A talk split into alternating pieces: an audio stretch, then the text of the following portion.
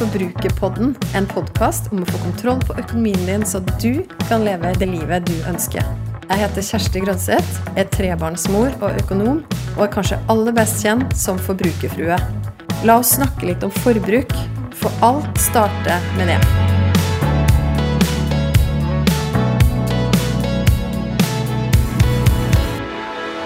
Jeg er fascinert av folk som er flinke på å løse andre folks problem, og som i tillegg er gode på å få folk til å snakke sammen om mer eller mindre komplekse tema. Derfor hadde jeg lyst til å invitere dagens gjest i studio i Forbrukerpodden. For å bli litt bedre kjent med en stemme som du mest sannsynlig har hørt før, enten i Lørdagsrådet, i hennes egen podkast Siri og de gode hjelperne, eller kanskje du til og med har sett henne i NRK-serien Arveoppgjøret som gikk nå i vår. I dag er jeg altså så heldig å få ha Siri Kristiansen som gjest her hos meg. Og da vil jeg bare si hjertelig velkommen til deg, Siri. Tusen takk. Takk for at du ville komme hit. Du, Veldig deilig å være gjest noen ganger. Og få svare på spørsmål istedenfor å stille spørsmål. Ikke sant? Ja. Du, hvor interessert er du i økonomi? Eh, Jeg er veldig interessert i systemer, eh, gåter, puslespill, alt som går opp. Så sånn sett er jeg glad i, altså jeg er glad i tall. Eh, Og jeg er også glad i penger, så man skulle tro jeg var opptatt av økonomi, men jeg er Jeg er ikke en som vet hvor mye penger jeg har, eller hvor mye penger jeg betaler. Jeg er ikke sånn sett opptatt av økonomi. Jeg lever litt sånn på lykke og fromme, på en måte. Eller er ikke eh, Der er jeg litt sånn happy go lucky, hvis det er det det heter. At jeg tenker sånn, det går bra. Men jeg er veldig glad i systemer, tall, og for så vidt glad i penger. Og er ganske sånn sparete av meg.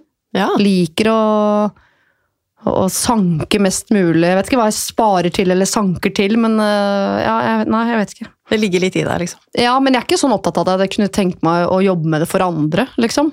Nei. Det tror jeg ikke. Men altså, system og at ting går opp, det er jo en drøm for deg å sette opp budsjett og, og følge opp et regnskap, da. Hvis Egentlig. du skulle begynt med det. Ja. For det er jo, jeg kjenner jo igjen den følelsen.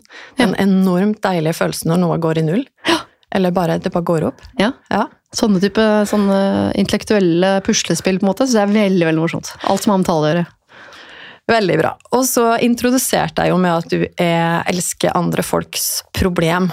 Og hvorfor er du så interessert i nettopp det? Jeg, det hørtes ut som jeg elsker at folk har problemer, det gjør jeg jo ikke, men eh, ja, det er nesten som at det er en slags sånn gåte for meg, det også. At det er et slags regnestykke som skal gå opp. Jeg bruker jo faktisk ganske ofte tall når jeg snakker om følelser. Mm, eh, og det er ikke helt sånn Det er ikke to forskjellige verdener heller. og- det blir jo bare enda mer spennende hvis man kan ta den interessen for tall og løfte det opp og kan legge liksom følelser på toppen av det. Eh, Så jeg, tror det er litt det det er, at jeg vil, jeg vil løse den gåten.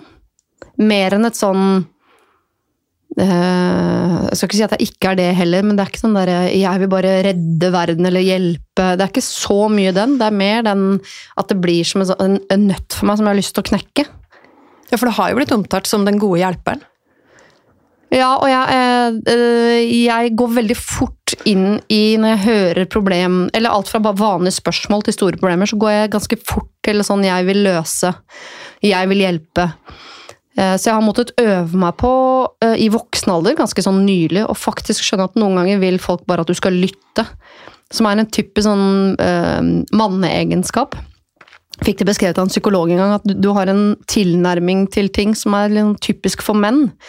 At når du får presentert en problemstilling, alt fra eh, 'vi har ikke noe å sitte på' til eh, 'familien min har forlatt meg', eh, så går jeg inn i en sånn eh, 'hva kan jeg gjøre?' Istedenfor å sitte, trøste, lytte. Men eh, jeg øver på det òg, så det hender jeg får til det òg. Men eh, jeg, vil- helst bare hjelpe til. Det er interessant. Og det du sier med at du gjerne bruker tall for å snakke om følelser, var det du sa? Kan du gi et eksempel på det? Ja, altså Det blir jo nesten liksom sånn pynteputefraser, men det er den der typiske du må uh, gi like mye som du vil ha. Altså, det er en del sånne øh, referanser som går igjen både i tall og i, i følelser hos folk, da, syns jeg. Eh, At det må gå opp. Hele, at forholdet må gå opp. Man er to stykker, begge har behov.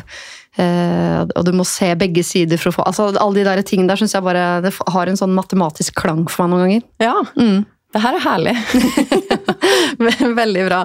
Du, altså, jo, jeg var også nysgjerrig på, du har jo vært litt inne på det da, men om du liker best på en måte å få presentert problemet, eller om du liker best når du skjønner at her er det en løsning som du gjerne kan være med å, å finne ut av. Jeg synes det er veldig tilfredsstillende når jeg syns jeg ser en løsning, eh, men ikke i den grad at jeg ikke syns det er like tilfredsstillende når noen andre kommer med en annen løsning eller en bedre løsning. Så det er ikke noe sånn eh, at jeg gjerne vil ha fram min løsning. Men det er, jo, det er jo mine løsninger jeg kom på, så det er de jeg sier høyt. Men jeg syns stadig jeg har hjelper hos meg som kommer med løsninger jeg ikke har tenkt på. Eh, og da blir jeg vel så jeg, går, jeg tyr til de like fort som jeg tyr til mine egne. på en måte. Og i en av de siste episodene av din egen podkast så snakka dere om et økonomisk problem, egentlig. Det her om å låne ut penger til venner. Ja. Og da sa du noe sånt som at eh, et av de største mysteriene i verden, det var store ord, men du sa det, for deg er hvorfor er det flaut å be om å få tilbake penger? Mm. Har du funnet noe svar på det? Nei. Fordi det burde bare være flaut for den som skylder, og ikke den som som skal ha igjen. Men jeg, jeg tror ikke jeg har møtt nesten noen, meg selv inkludert, som ikke syns det er en vanskelig ting å be om. Fordi jeg tror vel noe av svaret ligger i at det er så tabu å være gjerrig, bortsett fra de som er gjerrige, da, som tydeligvis ikke har skjønt det eller uh, ikke vet at de er det.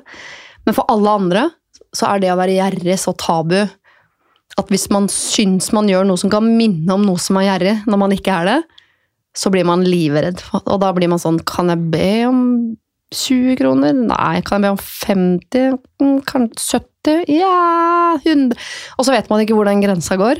Men man syns jo også at det er flaut å be om å få tilbake 3000 kroner, liksom. Jeg tror til og med altså, Jeg tror nesten folk syns det er flaut å be om å få igjen 100 000, altså. Mm. Ja, Hvis de først har lånt ut 100 000 til en venn, Ja. så er det fortsatt flaut å be om å få det tilbake. Og jeg har spurt to ganger, men han svarer ikke. Sånn, ja. Og så skjønner jeg hvorfor man ikke vil mase om det, men det er, det er veldig rart. Det er kjemperart.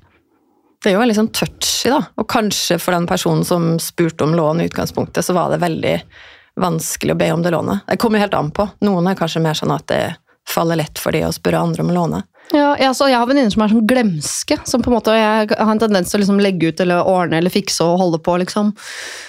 Men jeg ber aldri om å få igjen etterpå, så hvis ikke folk kommer på det av seg selv, så er det penger jeg aldri eh, får igjen. Men det legger jeg på en måte inn i potten. Så hvis jeg betaler for noe, så må jeg vite at jeg, jeg klarer å betale for dette alene. For jeg kommer aldri til å be om å få igjen de pengene. Nei, så du ber helst- ikke om det. Men du syns ikke det er flaut hvis du måtte bedt om det? Jo, jo, jo, så jeg ber ikke om det. Så jeg, jeg legger aldri ut eller låner bort mer penger enn jeg vet at jeg har råd til å tape. Så jeg, jeg aner ikke hvor mange tusen totalt sett folk rundt meg skylder, som jeg bare aldri ber om. Og så glemmer jeg det heldigvis også, for jeg er ikke sånn sett opptatt av økonomi. Så så lenge jeg har det jeg trenger, så, så det plager meg liksom ikke. Så du bare skjønner deg da, du skjønner et av de største mysteriene for deg er hvorfor det er flaut, men du syns det er flaut sjøl òg? Ja, kjempeflaut, vet ikke hvorfor. Nei, sant? Det er vel frykten for å virke grisk. Ja. Mm. Så den har du ikke fått å gå opp sånn logisk? Med, nei. Men jeg jobber med saken, for det er ikke bare økonomi. Det er ganske mange andre ting også man synes er flaut å si fra om. Uh, hvor jeg prøver å, å overbevise meg selv og verden om at husk at i enhver situasjon hvor du tar opp noe med noen, så er det også flaut for den andre. Så du står ikke alene i det at dette her er litt uh, ubehagelig å snakke om. Det er ubehagelig for begge, og det burde egentlig gjøre situasjonen litt bedre. Og det er jo noe med å flytte ubehaget fra meg og over til en annen. Hvis det, er, hvis det bor hos noen andre egentlig, men jeg bærer på det, men problemet mitt ligger hos deg. Mm. Er det ikke tilfredsstillende å å plassere ubehaget der det hører hjemme, liksom?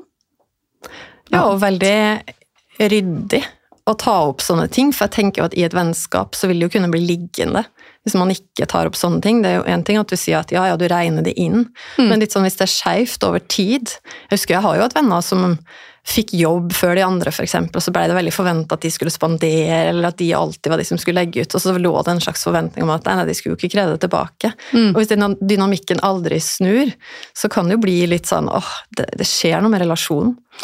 Ja, og eh, hvis, eller hvis jeg merker at noen spekulerer i det, eller utnytter systemet, på en måte, da kan jeg bli fryktelig gjerrig. Men det handler mer om prinsipper. Da er jeg veldig lite raus. Um, men jeg vet også at jeg er sløv sjøl på å levere tilbake ting jeg har lånt. Om det er penger eller ting, eller hva det måtte være, så er jeg veldig, veldig Jeg skylder også sikkert helt vilt mye å ha ting hjemme hos meg som ikke er mitt. Uh, så det er vel litt derfra jeg tenker at sånn, totalt sett i den store økonomien så går det opp. Noen skylder meg, jeg skylder noen. Og om ikke det er de samme menneskene, så ja ja. Så da går det opp likevel? Ja, det går på en måte opp. Ja. Det er veldig bra. Du, Siri, det er fint å ha deg her. Jeg har jo invitert deg hit og sagt at eh, jeg gjerne hadde lyst til å, å presentere noen problem for deg. da. Mm. Og siden Forbrukerpodden er en økonomipodkast, så er det jo veldig naturlig da å snakke om pengeproblem. Mm. Og så syns jeg så skulle jeg egentlig da gå ut til mitt publikum og si at eh, de måtte sende inn sine pengeproblem. Mm. Og så når jeg skulle gjøre det, så ble jeg sånn Nei, da tok alvoret meg litt, da. Ja. Så da ble jeg sånn Nei, men åh, akkurat nå så er det jo faktisk ganske mange som har utfordringer med høye utgifter, bekymringer for økte renter osv., osv. Og så, og så backa jeg litt ut. Så det da, Men så skulle jeg treffe deg. Så det jeg gjorde da, var å egentlig samle sammen og tilpasse til formatet tre utfordringer som jeg da har, folk har kommet til meg med i løpet av ja, si, de siste åra. Ja, okay. Så det er konseptet nå. Mm -hmm. Så, så, der, der trakk jeg meg, da. Jeg, ja. jeg veit ikke helt hvorfor. Plutselig så ble det veldig alvorlig for meg å skulle spørre folk om, om pengeproblem akkurat ja. nå. Ja, dette driver jeg med ukentlig. Jeg har gjort i 15 år. Ber folk eh, lette sjela si for det de syns er vanskeligst akkurat nå. Så jeg har ikke de samme skruplene. Nei, kanskje jeg bare burde gjort det oftere. Ja, kanskje. Ja, ikke sant? Ok, men jeg har i hvert fall da tre, tre problem her som jeg har mhm. lyst til å ta opp med deg. Og så syns jeg det er alltid veldig sånn gøy når du har sånne innsendte, sånne reelt innsendte, så skriver de sånn 'Kjære Siri' og de gode hjelperne. Så den første går da sånn 'Kjære Siri og Forbrukerpodden'. Mm -hmm. Så jeg bare tillot meg det. Mm. Jeg opplever at en god venninne av meg stadig overøser meg med gaver. Ikke alltid så store ting, men det kan være det også. Hun har f.eks. gitt meg en helt ny jakke hun hadde hun hadde fått, nettopp etter at jeg hadde kommentert hvor fin den var. Jeg har bestemt meg for å være god på å ta imot, uten å føle at jeg må gi tilbake, men nå begynner jeg å lure på om det ligger noe mer bak. Kan det være at hun føler hun kommer til kort i vår relasjon, og opplever at hun må overkompensere med å gi meg masse ting? Mm. Hva tror du? Uh, ja, det er liksom 50-50, fordi uh jeg, eh, mitt kjærlighetsspråk er gaver. Ja. Uh, også der er litt sånn mann, 50-tallsmann, som ofte kan bøte på dårlig samvittighet med gaver. Jeg syns også det er veldig, veldig, gøy å både kjøpe og gi gaver, i uh, hvert fall hvis det er utenfor sånne forventninger. Jeg er ikke hun som alltid har med vertinnegave, snarere tvert imot, men jeg kan kjøpe noe ellers. Og jeg er veldig sånn Hvis jeg har noe, som jeg vet at jeg ikke bruker, så gir jeg det bort. Så jeg, jeg kan noen ganger føle at jeg plager folk med det å gi bort ting. at jeg prøver på ved å gi bort ting, så prøver jeg å kjøpe meg venner. Eh, men det vet jeg, det er ikke det jeg driver med. Eh, men jeg har jo også vært borti mennesker som, som jeg føler at prøver å, å kjøpe seg inn. Eh, som prøver ved å være rause, så skal de bli likt. Som jeg tror er liksom feilslått, egentlig. Eller kommer det an på mottakeren. Du kan jo helt sikkert vinne noen over ved å, å, fremstå som raus, og så har du fått en venn, og så får man bygge vennskapet på noe annet derfra ut. For du kan jo ikke basere det på det framover. Eh, men jeg har også erfart at noen kan finne på å gi og gi og gi, og så plutselig blir de sure for at de gir så mye og ikke får noe tilbake. Og det syns jeg er rarere. Ja, for da har de jo kanskje gitt med en slags intensjon likevel om å få noe tilbake? Jeg ja. tror du du bare kommer til et tidspunkt som bare åh, nå innser jeg hvor mye jeg har gitt. Ja, men det er også tenker sånn, ja, men da må du bli sur på deg sjøl, da. Så uh, igjen, det er litt som å låne bort. at jeg tenker at Når man gir, så skal man jo gi for det første fordi man har lyst til å gi, ikke fordi man vil ha noe, om det er i form av at jeg vil ha gave tilbake, eller vil ha vennskap tilbake, uh, troskap tilbake. Altså, jeg syns alle gaver bør være noe du gir fordi du har lyst til å gi. Eh, selv om det er jo noen sånn jul og uh, bursdager og sånn, hvor det ligger noen andre liksom, føringer bak der. Men i utgangspunktet så skal jo en gave være fordi du har lyst til å gi bort noe. Så jeg skulle ønske det ikke fant noe sånn. Skal vi bli enige om pris, eller ja. Og jeg syns jo også de beste gavene er ting man overhodet ikke trenger. Så ja, nei, jeg vet ikke Men jeg ville ha sjekket hvis jeg hadde hatt en venninne som ga meg veldig mye så ville jeg nok liksom ha tenkt litt nøyere gjennom sånn hva, hva er det vil, Er hun bare så grei, eller er det noe hun vil oppnå med dette? For hvis det er en usikkerhet der som gjør at hun tror at hun må gi meg noe for at jeg skal like henne, så må jeg jo trygge henne på en eller annen måte som gjør at hun ikke trenger det. da. Jeg kan jo, øh, Eksempel, jeg har en øh, god venninne som absolutt ikke er sånn som gir gaver. Men vi treffer hverandre så sjelden, og når jeg treffer henne, så tror hun at hun må være utrolig morsom og interessant for at jeg skal like henne. Akkurat som øh, at hun selger seg inn hver gang. Jeg husker jeg var på en ferietur en gang, hvor jeg måtte etter to dager med sånn konstant standup-show fra sidelinja si sånn Nå kan du bare slappe av. Jeg, jeg er venninnen din. Ja. Vi er på venninnetur. Jeg liker deg. Du kan godt være stille i fem minutter. Det er ikke, altså, da husker jeg hun ble litt, litt perpleks, og så, og så roet hun seg faktisk ned. Men eh, det er det samme med gaver. Vil jeg tro, da. I hvert fall ofte. At det, hvis det er en sånn desperasjon i sånn 'lik meg, lik meg, lik meg, lik meg, liker du meg nå? Hva med nå, da? Nå, hva med nå, da?' Så det er jo ikke noe bra vennskap. Hvordan ville du tatt opp det da, i, det her, i denne situasjonen? Hvis man begynner å mistenke at åh, ligger det noe bak her? Eh, nei, men Jeg ville jo begynt med å si sånn Du vet at ikke du trenger å gi meg dette. Kanskje man kan prøve å ikke ta imot en gang. Og si sånn Du, den er kjempefin, men jeg tenner ikke stearinlys. Eller kanskje du kan gi den til noen andre, eller uh, Eller så har jeg til og med å si sånn Nå har du gitt meg veldig mye, og det er faktisk den gleden ved å få blir nesten borte nå, fordi nå sitter jeg heller igjen med dårlig samvittighet for at jeg får så mye. Så bare kan vi, brem, kan vi bremse litt på gavekjøret, liksom? Ja, det var jo en veldig fin ting å si, egentlig. For det er jo, jeg ser jo for meg den situasjonen her at man vil jo ikke heller såre den andre. Sånn, ja, la, la oss si at det bare er ut av ren eh, glede, at du har gaver som kjærlighetsspråk i likhet med deg, da. Mm. Som bare har lyst til å alltid gi noe. Men jeg tenkte den, den jakka, at man ga en helt ny jakke, da, da er det kanskje ok, den har du jo faktisk kjøpt fordi du ville ha den sjøl. Ja, det høres litt rart ut. Ja. Eller folk som går og kjøper noe hele tiden for å gi bort. Jeg syns jo det også, eh, og særlig dette er en sånn typisk sånn person som gir bort gaver, som kan finne på å si hva gaven kostet. Da Har du vært sånn, med på det? Ja, ja. Og da er det noe med at ja, du vil kanskje gi, men du, du er jo opptatt av hva du gir. Hva det sier om deg, det du gir. Og da får jo gaven en helt sånn annen klang, på en måte. ja. Ja, det er litt bismak. Ja, det er, det er litt bismak, og da kan det Det, det høres jo forferdelig men noen ganger kan det bli litt sånn irriterende å få gave hvis det Jeg har litt sånn anspent forhold til gaver òg, for jeg eh, jeg kommer fra, altså I min familie så har jeg en mor dette har jeg konfrontert henne med, som for det første gir veldig eh, rare gaver. Og, og rare gaver er jo vanskelig å ta imot fordi man skal være takknemlig, men man lurer på hvilket skap man skal gjemme det i. Eh, som jo ikke er noe hyggelig. Eh, men som også har en tendens til å gi gaver med en forventning. Eh, har veldig lyst til I mange år har han veldig lyst til å gi meg en symaskin. Fordi hun syr, og så vil hun jo da at jeg skal begynne å sy, men jeg syr ikke. Så ved å gi meg en symaskin, så ligger det en forventning bak meg at jeg skal begynne å sy sånn som henne. Det er en irriterende gave. Eller å gi meg en gave som, eh, som fordrer at ja, her har du en gave det tar 19 timer å bygge. Så blir det sånn, ja men jeg, har to bitte små barn, jeg, jeg har ikke tid til å bygge 19 timer.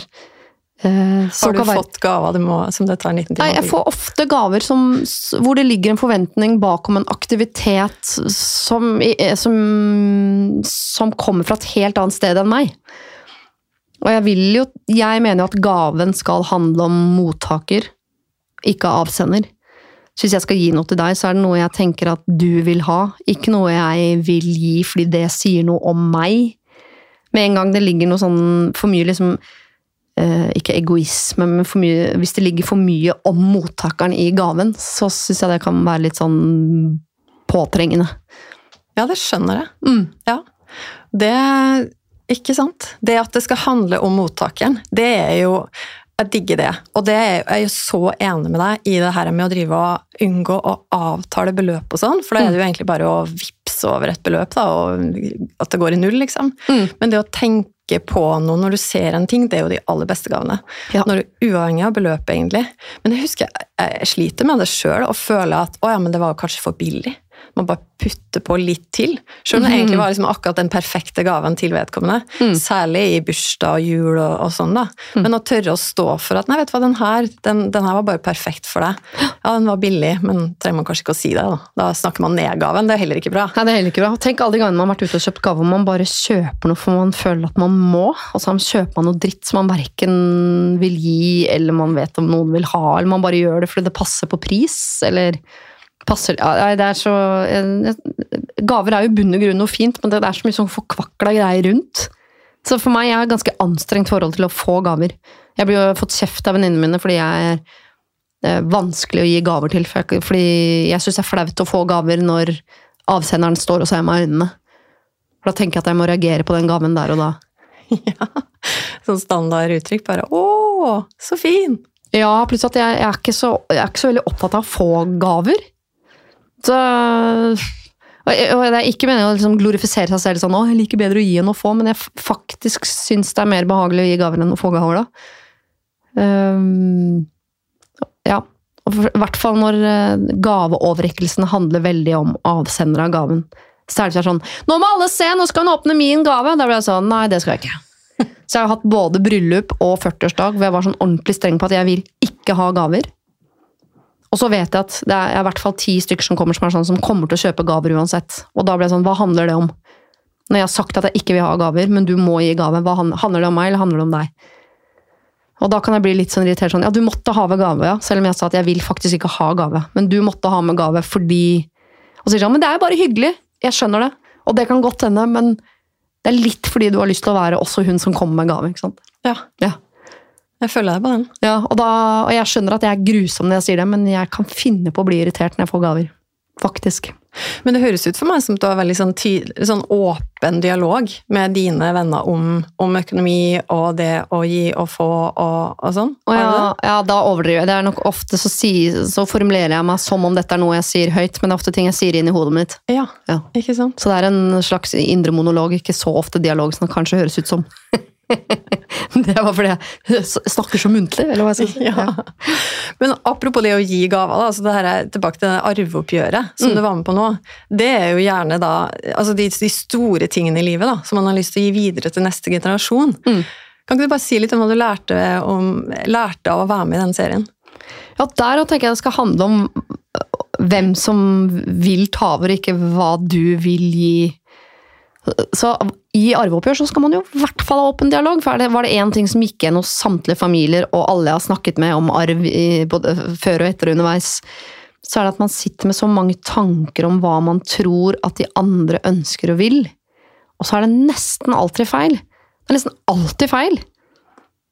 Selv om man kan få en sånn viss formening sånn, ja, jeg tror nok hun vil ha hytta, men bare å si sånn, ja, hun vil ha hytta, i stedet for å spørre sånn, har du lyst på en hytta? Så vil de sånn, nei, vet du hva, jeg har jo gifta meg, det er en hytte, og der er vi nesten alltid, vi kommer ikke til å bruke den hytta. Og i hvert fall som foreldre så baserer man så mye av tankene sine på sånn eh, romantiske blaff, som er sånn, jeg kan ha sett datteren min, å, hun slo jo hjul i den der gule blomsterkjolen da hun var fem, det var så nydelig, det var et fantastisk minne. Og basert på det minnet da, så har jeg liksom bestemt meg for at hun elsker gult, og hun skal bli turner når hun blir stor. Så det er sånn, og så gir du da en gul kjole og sånn eh, slå hjul-kurs til datteren din på 18, som blir sånn Hæ, mamma, hva er det du driver med? Som, og, og det er sånn typisk for meg, Arv, er sånn Du har bare basert enorme ting på bitte små hendelser, og ikke dialog Ja. som er litt farlig. Så jeg tror, er vel, jeg tror folk ofte tenker, tenker mye feil i et arveoppgjør. Jeg bare kom på det fullstendig avsporing nå, men når du sa det der med den eh, turninga av den gule kjolen, har du sett på det der ekstrem oppussing? Det gikk jo for mange år siden, da. Ja. Da ble jeg alltid så fascinert av at de tok Det var kanskje en eh, tolvåring da, som hadde sånn veldig flyinteresse der og da. Og så var det sånn ekstrem makeover når huset var ferdig, så var det sånn Ok, we decorated your entire room with airspace og planes. Jeg bare tenkte sånn, hvor lenge skal den interessen der nå vare? Nå har du på en måte fått tusenvis av kroner i dekorasjon. Ja, det var ikke bare en tapet med bilde av fly, det var som de hadde fått en gammel Boeing som de hadde innredet som seng, og oppi der, og den får du ikke ut av huset, for de har bygd veggene rundt. Så var sånn, å herre, ja, enig. Og alt var sånn tematisk. Ja, ja. Veldig bra. Nei, men noe av det dere gjorde i serien, var jo det å, å få folk til å sette seg ned og snakke sammen. Og kanskje ta den derre hvem, hvem vil ha den eiendommen, hvem vil ha den hytta, hvem Ja. Ja, og at alle må gang. snakke samtidig, for det er også typisk at uh, kanskje jeg har snakket litt med den ene søsteren min, men jeg har ikke snakket med uh, pappa, men, og pappa og mamma har snakket sammen, og mamma har kanskje snakket litt med meg, men ikke med hun. Og det er jo en grunn til at man leker viskeleken, for det er så gøy å se hva det blir til. ikke sant? Uh, Sånn er det jo i en familie hvor man, noen snakker litt her og noen der, og så blir ting bare til underveis, og så er det ikke reelt. Så er det én ting Det er mye, men jeg ikke tenker at man må snakke om nødvendigvis bestandig. Jeg er ikke en som mener at man må ha dialog på absolutt alle punkter i livet, men arv tror jeg man som foreldre på et eller annet tidspunkt, før barna spør, må sette seg ned og snakke med barna om. Eh, og jeg tror alle foreldre, også basert på den der ene sommerdagen i den enga hvor hun ene eh, slo hjul og broren satt og, og, og plukka blomster, så tenker man at de er bestevenner. Eh, og så er det ikke nødvendigvis det, og jo, kanskje de er det, men ikke når plutselig hun ene fikk hytta og du fikk en vott. Eh, så det der, den litt naive sånn Dere kommer jo aldri til å krangle om noen ting. Eh, det tror jeg man bare i 99% av tilfellene skal bare anta at jo da, det kan hende at de gjør. Mm. De aller fleste kan finne på å krangle om penger. Ja, det tror jeg faktisk. Mm. Det tror jeg. Og, og det er jo også litt sånn eh, Jeg bare tenker sånn i et eh, parforhold òg, at man kan tenke å gå inn i det bare sånn Nei, nei, nei, jeg gjorde jo det sjøl. Penger, økonomi kommer aldri til å være et problem. Nei. Så hadde vi vår første ferietur sammen, og så krangla jo vi Altså, jeg Det, det her setter jo meg sjøl i et veldig dårlig lys, da. Men jeg syns det var veldig kjipt at han absolutt skulle velge det dyreste på menyen. Ja. Ja, og satt og fulgte med på det. Og det har jeg snakka med andre òg, som kom fra litt sånn lik bakgrunn som meg, når de da ja, kom i et forhold og innså at uh, man hadde litt sånn ulik tanke om forbruk. Ja. At man ble egentlig enda kjipere enn man var. Sånn, å, ok, jeg følger med. Ei venninne av meg som sa at jeg satt og, og fulgte med hvor mange skiver med kjøttpålegg han hadde på brødskiva. Liksom. Tenkte det at det var unødvendig å ta to. Og da hadde jeg kvert eh, partneren min, så han gjorde det. Men eh, jeg, jeg skjønner, i hvert fall hvis man har trang økonomi, eh, og man selv har spinka og spart, og tar den lille carpaccioen som egentlig er en forrett, men du tenker at jeg er ikke så sulten, og vi har jo noen bagetter når vi kommer hjem, og, og så tar han sånn Jeg tar den hjort indrefilet, den til 365. Bare nei! Jeg har tatt den til 79! Men uh, jeg, jeg, i et, jeg, ville, jeg, jeg tror aldri jeg har tenkt på det mellom meg og min partner, men uh, jeg arrangerte et eh, slags bryllup en gang. Var ikke et slags, jo, det var et slags bryllup. Det var en, et vennepar som hadde giftet seg i et annet land. Og så kom de hjem, så tenkte jeg, skal vi overraske dem med at vi er en hel stor gjeng som går ut og spiser, og så betaler vi for dem. Og vi hadde kjøpt inn champagne og bakt kaker og masse sånn, så dro vi ut på restaurant. Og så var vi da oss som hadde lagd denne festen, brudeparet, og så noen venner av de som vi aldri har møtt. Eh, og da eh, splitta vi jo hele regninga på bordet, minus brudeparet. Men da satt jeg og venninnen min var høygravide og hadde ikke drukket. Eh, og så satt deres venner som ikke vi kjente, som hadde drukket, de hadde drukket for flerfoldige tusen. Og at ikke de da liksom foreslo sånn Blir det litt skeivt å bare dele dette, liksom? Husker jeg ble sånn jeg sa jo ingenting, selvfølgelig, men inni hodet mitt var altså så irritert. Da vi hadde spandert champagnen, taxien, vi hadde arrangert, vi hadde bakt kaken, vi hadde gjort alt. Og i tillegg ble vi sittende igjen med hele barregninga Ja. for noen folk som vi, vi vet ikke hva de heter engang. Da eh, Jeg kan være raus, men da kjente jeg sånn Dette er vel ikke helt riktig, eller Men jeg vi bare betalte og gikk, da. Ja. Ja, ikke sant? Åh, det er utrolig. Jeg kjenner, det her kunne vi snakka i timevis om. Ja. Men jeg tror faktisk vi må gå videre til neste Ja. problem. Ja. Hei, Siri. Det er også da jeg som syns det er gøy å henvende meg til deg i brevform. Jeg er en tenåringsmor som i disse dager kommer til å få igjen en del penger på skatten. Det er snakk om 15 000 kroner. 15. Jeg har så lyst til å ta med barna mine et sted i sommer for at de skal kunne få gode minner, men også for at de skal kunne dele med vennene sine hva de har opplevd. Har ikke råd til å kjøpe ferie før skattepengene kommer. Samtidig er jeg bekymret for en ny vinter med høye strømpriser og stadig høye drivs- drivstoffpriser. Burde jeg heller satt av pengene til en ekstra buffer? Jeg trenger råd. eh, korte svar på det. Jeg tenker ja på det. Fordi, eh, og det høres ut som sånn eh, romantisk pjatt. Men hvis man tenker etter hvilke, eh, Hva er de beste minnene man har selv? Det er jo ikke den derre De dyre flybillettene til Ayanapa. Ja, jeg husker når vi hadde mindre barn, snakka sånn Skal vi gjøre det og det og det? og uh, de tingene. Liksom, Men hvis vi, la oss si at vi har brukt 70 000 kroner på å dra til uh, Disney World i eh, Orlando, eller det kunne aldri falt meg uansett, altså bare som et eksempel. Så kommer de hjem, og så spør de sånn Ja, var det fint her, da? Ja, vi spiste is. Tenker sånn Hei, vi kunne dra til Drammen. Men uh, Og når jeg snakker med mine barn, og jeg er ikke noe sånn helt vanlig barn, så jeg skal ikke komme Det er sånn typisk noe sånn når man skal komme med eksempler sånn 'Å ja, men du har jo barn som er mer glad i å, å klatre i trær enn å gå på Tusenfryd'. De helt Altså, de liker begge deler. Men jeg spør det hva er de beste ferieminnene deres, så handler det aldri om spektakulære opplevelser eller øh, hva som var dyrt. Eller, og de barn har jo ikke pipling på økonomi. Så jeg tror man kan lage en helt sånn uforglemmelig ferie for barna sine uten å spise av den bufferen man trenger hvis man vet at man har det økonomisk trangt og det kommer en vinter. Spesielt den vinteren her. Alle burde dra på telttur i sommer og sanke ved og ta med hjem. Altså, så, og det høres også litt sånn øh, sånn irriterende romantisk ut, men jeg var på hengekøyetur med barna mine i fjor. Der kan man til og med låne gratis hengekøyer. Og det er uten sidestykke. Den hadde vi veldig flaks med været og hvor vi endte og sånn, men for en fantastisk ferie, liksom. Og bare ha litt mer sånn frislipp og sånn Jeg kjøpte ikke én sekspakke, jeg kjøpte tolv. Um, så, så, tror jeg man kan skape en helt vanvittig opplevelse for barna sine som ikke, er der, som ikke handler om at det var den dyreste ferien. Tenker du at det står seg når barna blir litt eldre? Ja, De kommer i en sånn alder hvor, hvor, det plutselig handler om pris. Hvor det på en måte er sånn uh, Du merker det på klær, og du merker det på uh, telefoner og alt mulig sånn, hvor det bare handler om å ha det nyeste, eller ha det han andre i klassen har. Eller, så den tida kommer.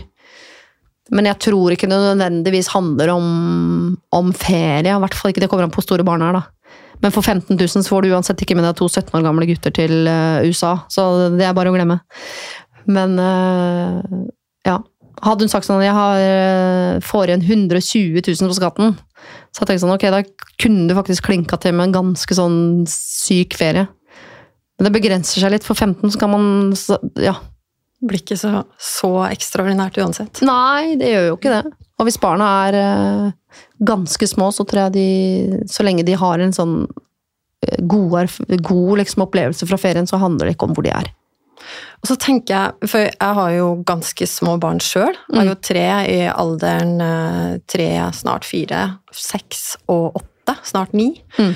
Og jeg kjenner jo jeg er veldig ydmyk overfor altså mange som har sånne eksempel med ok, vi har tenåringsbarn, og det du sa, da, med mm. telefon, klær, ferier kanskje. Men jeg kjenner at det er noe i meg. Det her er faktisk litt sånn tema brenner for, kjenner jeg og, og klare å bevare de der gode prinsippene, hva vi prioriterer som familie. Mm. At man ikke må hva skal jeg si, legge seg under et slags sånn forventningspress som man tror, og egentlig hjelpe barna litt da, til å legge seg under det samme presset med litt sånn Ja, ok, ja, vi ser jo at de gjør det, og mm. ok, men da må vi jo kanskje Så sniker det seg fort inn. For jeg tenker jo ja, man får andre behov for eh, altså, mer aktivitet og sånn åpenbart, og kanskje utvide horisonten litt når barna blir eldre. Men, men, likevel, det der fokuset på å gjøre noe hyggelig som mm. familie. Og apropos det du sa om å snakke sammen, da. Spørre barna. Kanskje har de bare lyst på helt dedikert kvalitetstid, mm. egentlig. Ja. Og så tror jeg ikke, hvis jeg spurte spurt barna mine sånn, vil dere kjøre karusell eller vil dere ha dedikert kvalitetstid med mamma, så hadde jeg antagelig sagt karusell. Men, så jeg tror ikke de er klar over det behovet. Men for barn de aller fleste barn vil jeg tro at det å ha en opplevelse av at de har fått tid med foreldrene sine, fått ro Barna har også masse behov for å slappe av. Eh, og ikke minst at de også har en mor som etter sommeren og fram mot jul ikke er konstant stressa og litt sur. Fordi hun går og bekymrer seg for økonomien.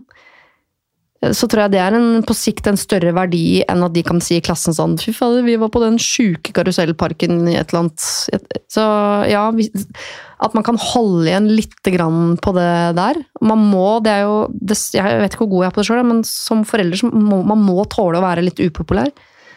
I øyeblikket, for jeg tror da blir man liksom mer populær på, på sikt. Og ikke si ja til den nyeste telefonen, for du tenker at det der, de fem minuttene der med sånn 'Å, du er verdens beste mamma'. Altså, det blir så glemt. Det er, ikke, det er liksom ikke de øyeblikkene det handler om på sikt. Jeg tror ikke det, altså. Det er kloke ord. ja.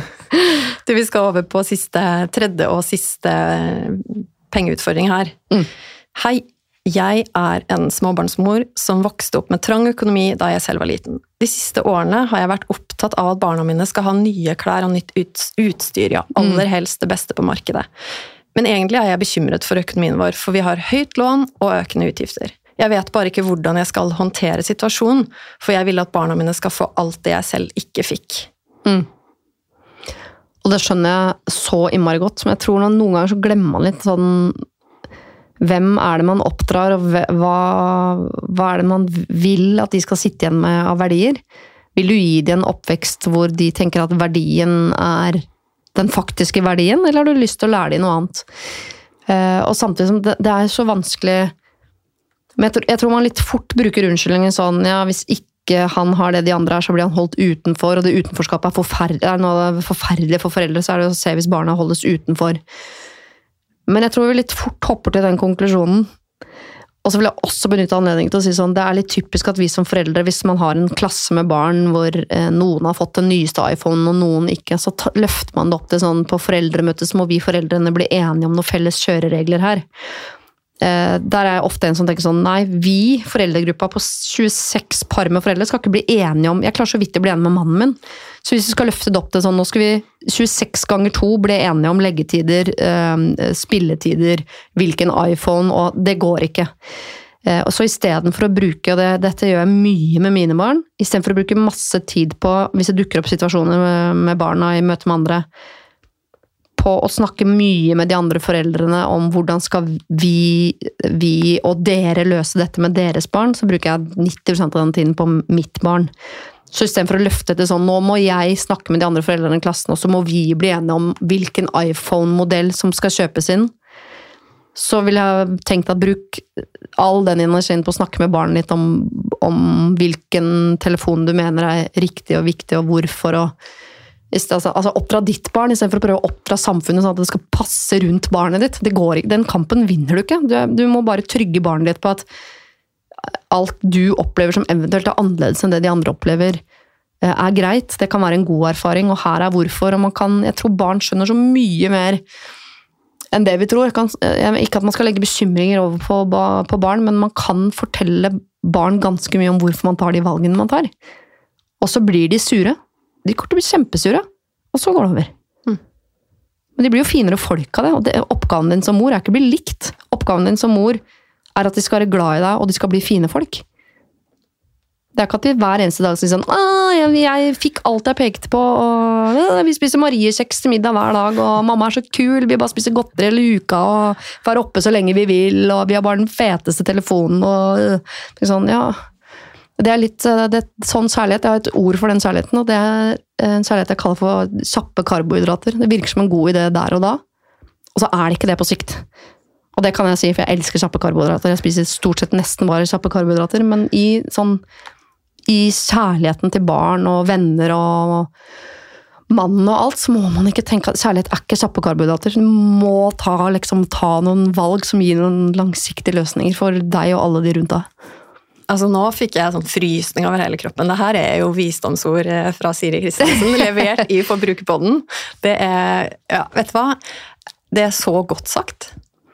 Ja, og jeg, jeg, jeg sier ikke fordi jeg er god på det, det er jo derfor jeg driver med det jeg driver med. For det er så deilig å fortelle andre mennesker hvordan de burde leve livet sitt, og så, så kan jeg slippe. Og jeg har jo venn, venner som er så mye bedre enn meg på så mye av sånn skjermtid og, mye sånne regler. Jeg er ganske, en mor med ganske frislipp på mye jeg skulle ønske jeg var strengere på, men øh, øh, ja, Så jeg er nok litt sånn kjappe karbohydrater-mor også. Mhm, Kjøper gaver og sier ja når jeg burde sagt nei, og heldigvis er mannen min litt mer konsekvent enn meg. Men jeg tror Jeg skulle ønske jeg var bedre på det, og jeg tror alle andre også burde være litt bedre på det. Ja, og jeg tenker at eh, De som hører på og får brukt på den nå, da, har i hvert fall fått en sterk oppfordring til det. Det jeg hører du si, er jo 'ei ditt eget liv'. Det er egentlig litt det som går igjen da, i alt det vi har snakka om her. Alt fra gaver, altså tørre å sette ord på at 'nei, jeg vil faktisk ikke ha gaver', det er ikke viktig for meg nå. Og ja, jeg elsker mer å gi enn å få. Mm. Når det handler om de langs, lange, lange linjene som arv, Mm. og, og egentlig eie i form av å ta praten. Altså ta det ned, spørre de andre og finne ut hva man sjøl som familie skal gjøre. Mm. Og også disse dilemmaene som går på hva skal jeg, bruke, skal jeg bruke penger på det jeg kanskje tror andre forventer, Mm. eller for å gjøre barna mine det jeg tror vil, gjøre det jeg tror vil gjøre barna mine glad, Mm. heller enn å kanskje prioritere trygghet, sikkerhet, litt langsiktighet. Mm. Eie sitt eget liv. Mm. Kan ikke det være litt sånn eh, Ja, det altså- oppsummeringen av det, det vi har snakka om nå? Jeg tror oppsummeringen på nesten alt i livet er sånn Er det kjappe løsninger som er det beste? Stort sett ikke.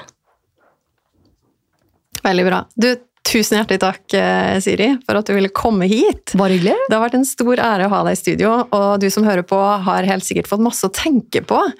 Og hvis du nå sitter inne med et eller annet problem som du har, så vil jeg gjerne at du skal sende det til meg, da, så kan vi ta dialogen videre på mail, på heietforbrukerfrue.no, eller du kan sende meg en melding på Instagram. Så kan jeg ikke love at Siri skal være med å løse det, men vi kan i hvert fall ta dialogen videre, du og jeg.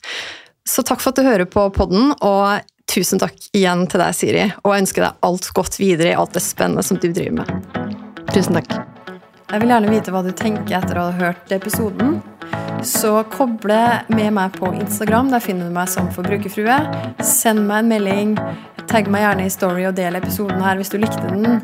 Eller send meg spørsmål. Og husk å abonnere på podkasten Forbrukerpodden, så får du beskjed hver gang det kommer en ny episode. Vi høres!